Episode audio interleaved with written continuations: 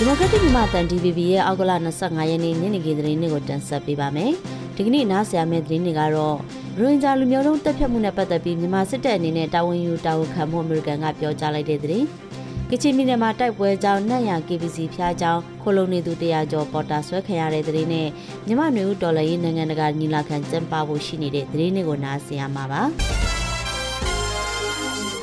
ရိုဟင်ဂျာတွေပေါ်မှာလူမျိုးတုံးတပ်ဖြတ်မှုအကြမ်းဖက်မှုကျူးလွန်ခဲ့တဲ့မြန်မာစစ်တပ်ကိုတရားဥပဒေနဲ့ညီအရေးယူရေးဆက်လက်ကြိုးပမ်းသွားမယ်လို့အမေရိကန်နိုင်ငံသားရေးဝန်ကြီးအန်တိုနီဘလင်ကန်ကပြောကြားလိုက်ပါတယ်။မြန်မာနိုင်ငံမှာရိုဟင်ဂျာတွေလူမျိုးတုံးတပ်ဖြတ်ခံရမှု6နှစ်ပြည့်နှစ်ပတ်လည်နေ့အတွက်အမေရိကန်နိုင်ငံသားရေးဝန်ကြီးဌာနရဲ့ထုတ်ပြန်ချက်မှာဝန်ကြီးဘလင်ကန်ကပြောကြားလိုက်တာဖြစ်ပါတယ်။ ရိုဟင်ဂျာလူမျိုးတုံးတပ်ဖြတ်မှု6နှစ်ပြည့်မြောက်တဲ့ဒီနေ့အောက်ကလ25ရက်နေ့မှာအမေရိကန်ပြည်ထောင်စုအနေနဲ့တပ်ဖြတ်ခံခဲ့ရတဲ့သူတွေအသက်ရှင်ကျန်ရစ်သူတွေအားလုံးနဲ့အတူရက်တည်ပြီးမြန်မာစစ်တပ်ကကျူးလွန်နေတဲ့ကြမ်းကြုတ်ရက်စက်မှုတွေအတွက်တရားမျှတမှုကိုရှာဖွေဖို့နဲ့တာဝန်ယူတာဝန်ခံမှုရှိစေဖို့အတွက်မိမိတို့ရဲ့တန်တိတ်ထံကိုထပ်လောင်းတည်ပြုအပ်တယ်လို့ဆိုပါတယ်။မြန်မာနိုင်ငံတဝန်းအရှိန်မြင့်တက်နေတဲ့အကြမ်းဖက်မှုတွေကအလွန်စိုးရိမ်ရတဲ့လူသားချင်းစာနာထောက်ထားမှုဆိုင်ရာအခြေအနေဖြစ်ဆိုးဝါးစွာပြောင်းလဲလာပြီးအထူးသဖြင့်ရိုဟင်ဂျာတွေပါဝင်လူနည်းစုတိုင်းသားတွေနဲ့ဘာသာရေးအတိုင်းအဝန်အတွက်အလွန်စိုးရိမ်ဖွယ်ရာဖြစ်တယ်လို့ဝန်ကြီးဘလင်ကန်ကပြောပါတယ်။မြန်မာပြည်သူအားလုံးအတွက်တရားမျှတမှုရှာဖွေဖို့နဲ့တာဝန်ယူမှုတာဝန်ခံမှုရှိစေရအတွက်အမေရိကန်ပြည်ထောင်စုကဆက်လက်တန်ဋိဌာန်ချတာပြီး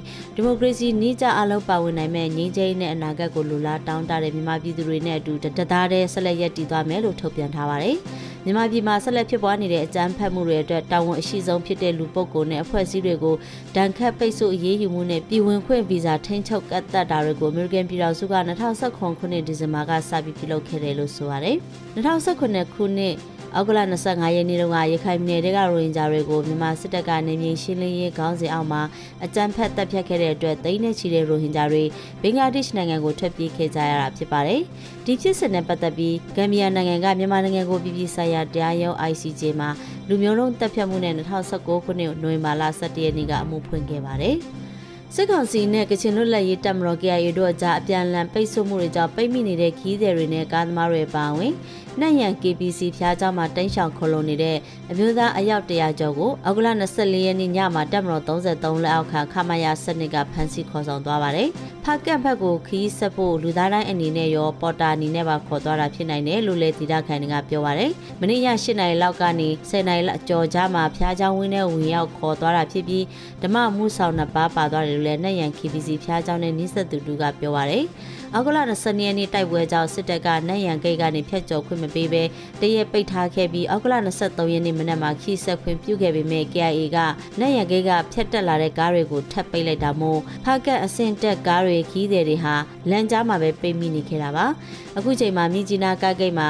ဖကေခီးတဲ့တင်အဝင်လုံးဝမရှိသလိုမြကြီးနားကနေဖကတ်ကိုထွက်တဲ့ခီးစဉ်နဲ့အလုံးလည်းရက်ဆိုင်ကုန်ပြီဖြစ်တယ်လို့လည်းရင်လိုင်းတာဝန်ရှိသူတွေကပြောပါရယ်။ ထိုင်းနိုင်ငံတွင်းဆိုင်တင်ကြောင်းတစ်ကြောင်းမှာထောက်ထားမရှိဖမ်းဆီးခံရပြီးမြန်မာနယ်စပ်ဖက်ပြန်ပို့ခံရတဲ့နိုင်ငံမဲ့ကလေးငယ်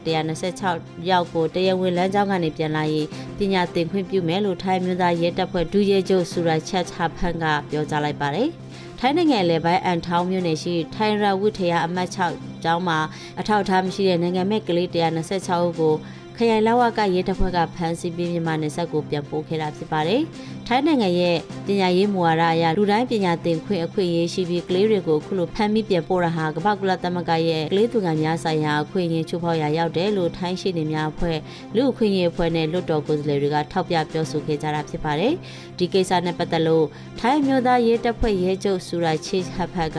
ပြီးကြတဲ့ဘက်ကနေမြေတဲကိုကွင်းဆင်စစ်ဆေးပြီးကလေးတွေအနေနဲ့တရားဝင်လမ်းကြောင်းကနေပြန်ဝင်ရင်နေဆက်ကကျောင်းတွေမှာစာသင်ခွင့်ပြုမယ်လို့သတင်းတောက်တွေကိုပြောပါတယ်။အဆိုပါကလေးတွေဟာမြန်မာပြည်တောင်ပေါ်ကအခါတိုင်းသားကလေးငယ်တွေဖြစ်တယ်။အဲ့ဒီထဲမှာတချို့ကလေးတွေကထိုင်းမှာမွေးပြီးနိုင်ငံမဲ့မှတ်ပုံတင်ရှိတယ်။သူတို့ကတရားမဝင်ဝင်ရောက်တဲ့ဥပဒေနဲ့မညှိဆိုမှု passport လုပ်ဖို့မိဘတွေမတတ်နိုင်လို့3လေးလတစ်ကြိမ်တက်တန်းတိုးရမယ့်ဗီဇာမျိုးထုတ်ပေးတဲ့လို့အကြံပြုထားပါတယ်။မြန်မာ့နေဦးတော်လန်ရေးနိုင်ငံတကာညီလာခံကိုအမေရိကန်ပြည်ထောင်စုနယူးယောက်ပြည်နယ် ဘတ်ဖလိုးမြို့မှာဒေသစံတော်ကျအောက်ကလ26ရက်နေ့ကနေ29ရက်နေ့တွေမှာနှစ်ရက်ကျင်းပမယ်လို့ညီလာခံဖြစ်မြောက်ရေးကော်မတီကပြောပါရယ်ညီလာခံကိုအမေရိကန်ပြည်ထောင်စုရောက်နိုင်ငံရေးတက်ကြွလှုပ်ရှားသူတွေကနေဒါနဲ့ဥရောပနိုင်ငံတွေကိုရောက်ရှိနေတဲ့နိုင်ငံရေးတက်ကြွလှုပ်ရှားသူတွေပူးပေါင်းစီစဉ်ခဲ့တာဖြစ်ပါတယ်ဒီညီလာခံကိုမြို့သားညီညွတ်ရေးအစိုးရခေါင်းဆောင်တွေပြည်ထောင်စုလွှတ်တော်ကိုစားပြုကော်မတီတိုင်းသားအဖွဲ့အစည်းတွေနိုင်ငံတကာရပ်ပညာရှင်တွေမြေပြင် PDF တပ်ဖွဲ့ဝင်တွေအရက်ဖက်အဖွဲ့တွေပြည်သူတွေပူးပေါင်းပါဝင်နိုင်အောင်စီစဉ်ထားတယ်လို့လည်းသိရပါတယ်